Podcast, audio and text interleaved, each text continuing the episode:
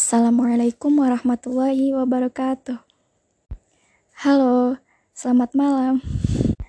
Perkenalkan nama saya Maulidia dari Prodi Ekonomi Pembangunan, Fakultas Ekonomi dan Bisnis, Universitas Jana Badra.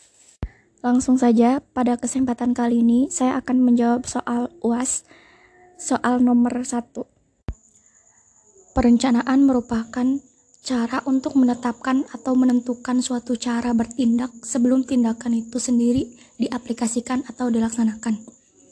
Dengan kata lain, bahwa dalam perencanaan setiap orang diharuskan untuk bisa berpikir terlebih dahulu mengenai apa yang akan dilakukan, bagaimana melakukannya, dan siapa yang melakukannya, serta yang bertanggung jawab atas semua kegiatan yang dilakukannya. Dan jika kita menetapkan sistem perencanaan kepada tujuan kita, maka hasil yang akan dicapai pun akan lebih efektif dan efisien. Perencanaan mempunyai unsur-unsur sebagai berikut. Yang pertama, perencanaan ekonomi.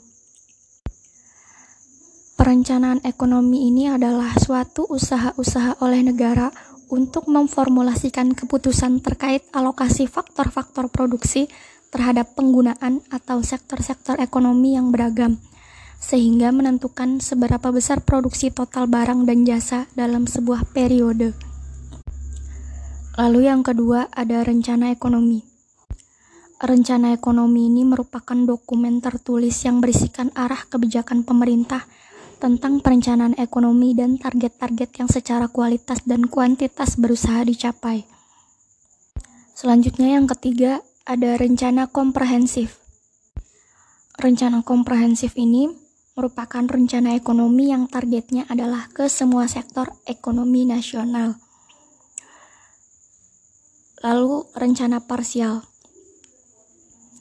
Ini merupakan rencana ekonomi yang fokus pada sektor ekonomi tertentu seperti industri, agrikultur, pariwisata, dan sebagainya.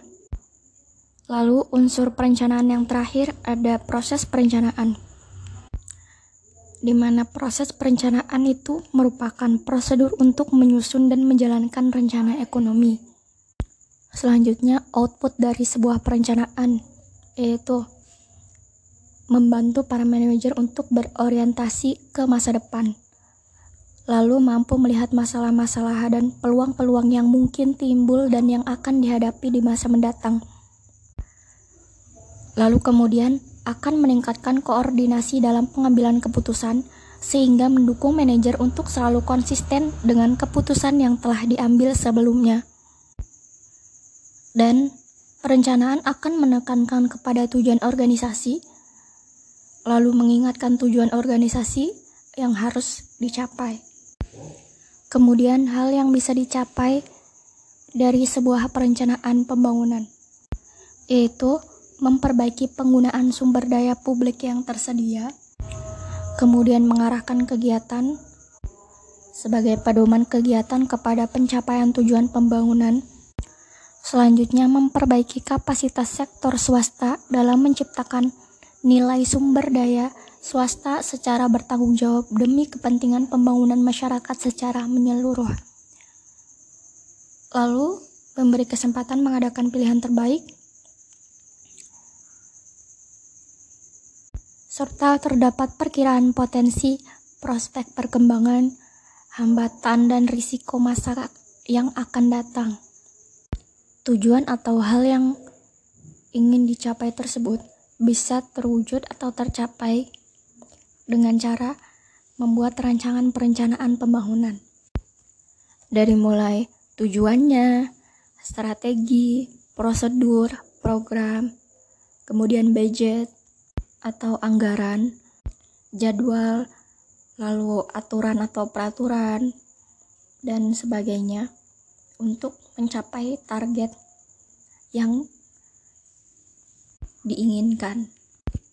Dan menurut saya, sebuah perencanaan dalam pembangunan itu sangat penting.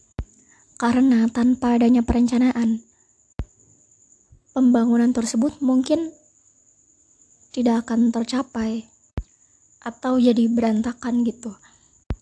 karena dengan adanya perencanaan pembangunan itu kita bisa menyusun strategi buat tujuan mengakumulasi anggaran biar bisa menyesuaikan dengan apa yang akan dicapai. Mungkin itu saja jawaban dari saya. Kurang lebihnya mohon maaf. Wassalamualaikum warahmatullahi wabarakatuh